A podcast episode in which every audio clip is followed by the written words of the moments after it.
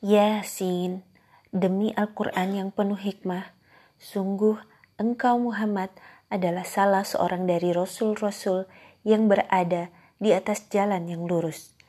Quran Surah Yasin ayat 1 sampai 4. Assalamualaikum.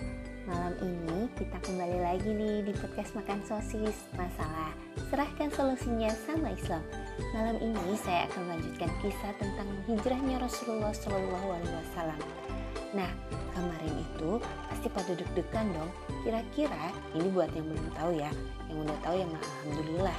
Nah, itu kira-kira berhasil nggak sih Rasulullah Shallallahu Alaihi Wasallam keluar dari rumahnya dengan aman?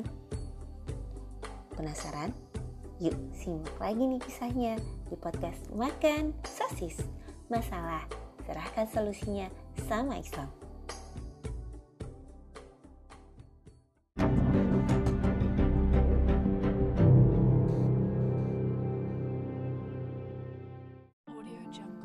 Pintu depan rumah terbuka. Rasulullah Shallallahu Alaihi Wasallam melangkah keluar. Di depannya, para pengepung berjaga. Namun, Allah Azza wa Jalla membuat mata mereka tak dapat melihat Rasulullah Shallallahu Alaihi Wasallam.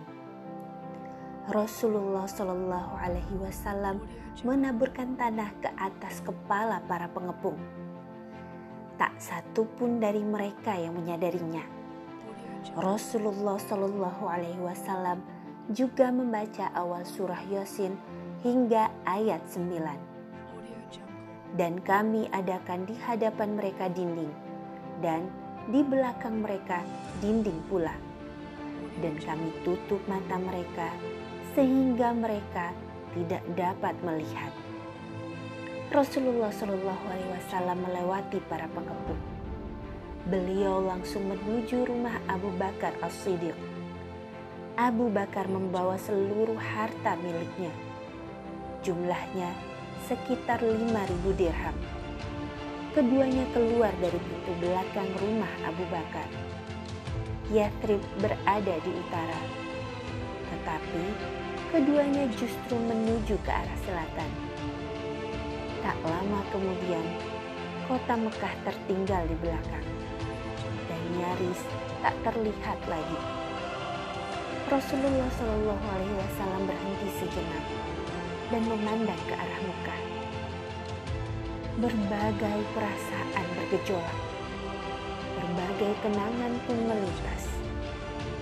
Beliau kemudian berujar, Engkau adalah sebaik-baik bumi Allah dan yang paling dia cintai.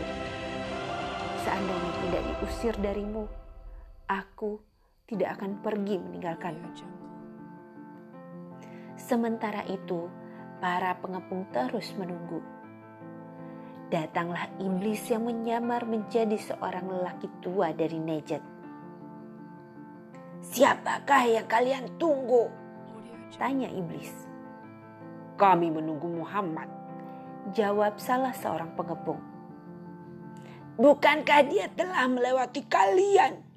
Bahkan sebelum pergi, dia telah menaburkan tanah ke atas kepala kalian. Apa maksudmu? Kami sama sekali tidak melihatnya. Para pengepung itu memeriksa kepala masing-masing. Mereka terkejut mendapati tanah di atas kepalanya. Seseorang mengintip bagian dalam rumah Rasulullah Shallallahu Alaihi Wasallam. Terlihatlah Ali yang sedang berselimut di atas tempat tidur. Dia mengira orang itu Rasulullah Shallallahu Alaihi Wasallam. Lihatlah, Muhammad masih ada di dalam. Hingga pagi, para pengepung masih menunggu. Ali bangun dan membuka pintu. Para pengepung pun terkejut karena yang keluar bukanlah Rasulullah Shallallahu Alaihi Wasallam. Di mana Muhammad? Mengapa kau yang keluar dari rumah ini? Aku tidak tahu, jawab Ali. Tidak mungkin jika kau tidak mengetahuinya. Aku benar-benar tidak tahu. Nah, kira-kira orang Quraisy akan menemukan jejak Rasulullah dan Abu Bakar nggak ya?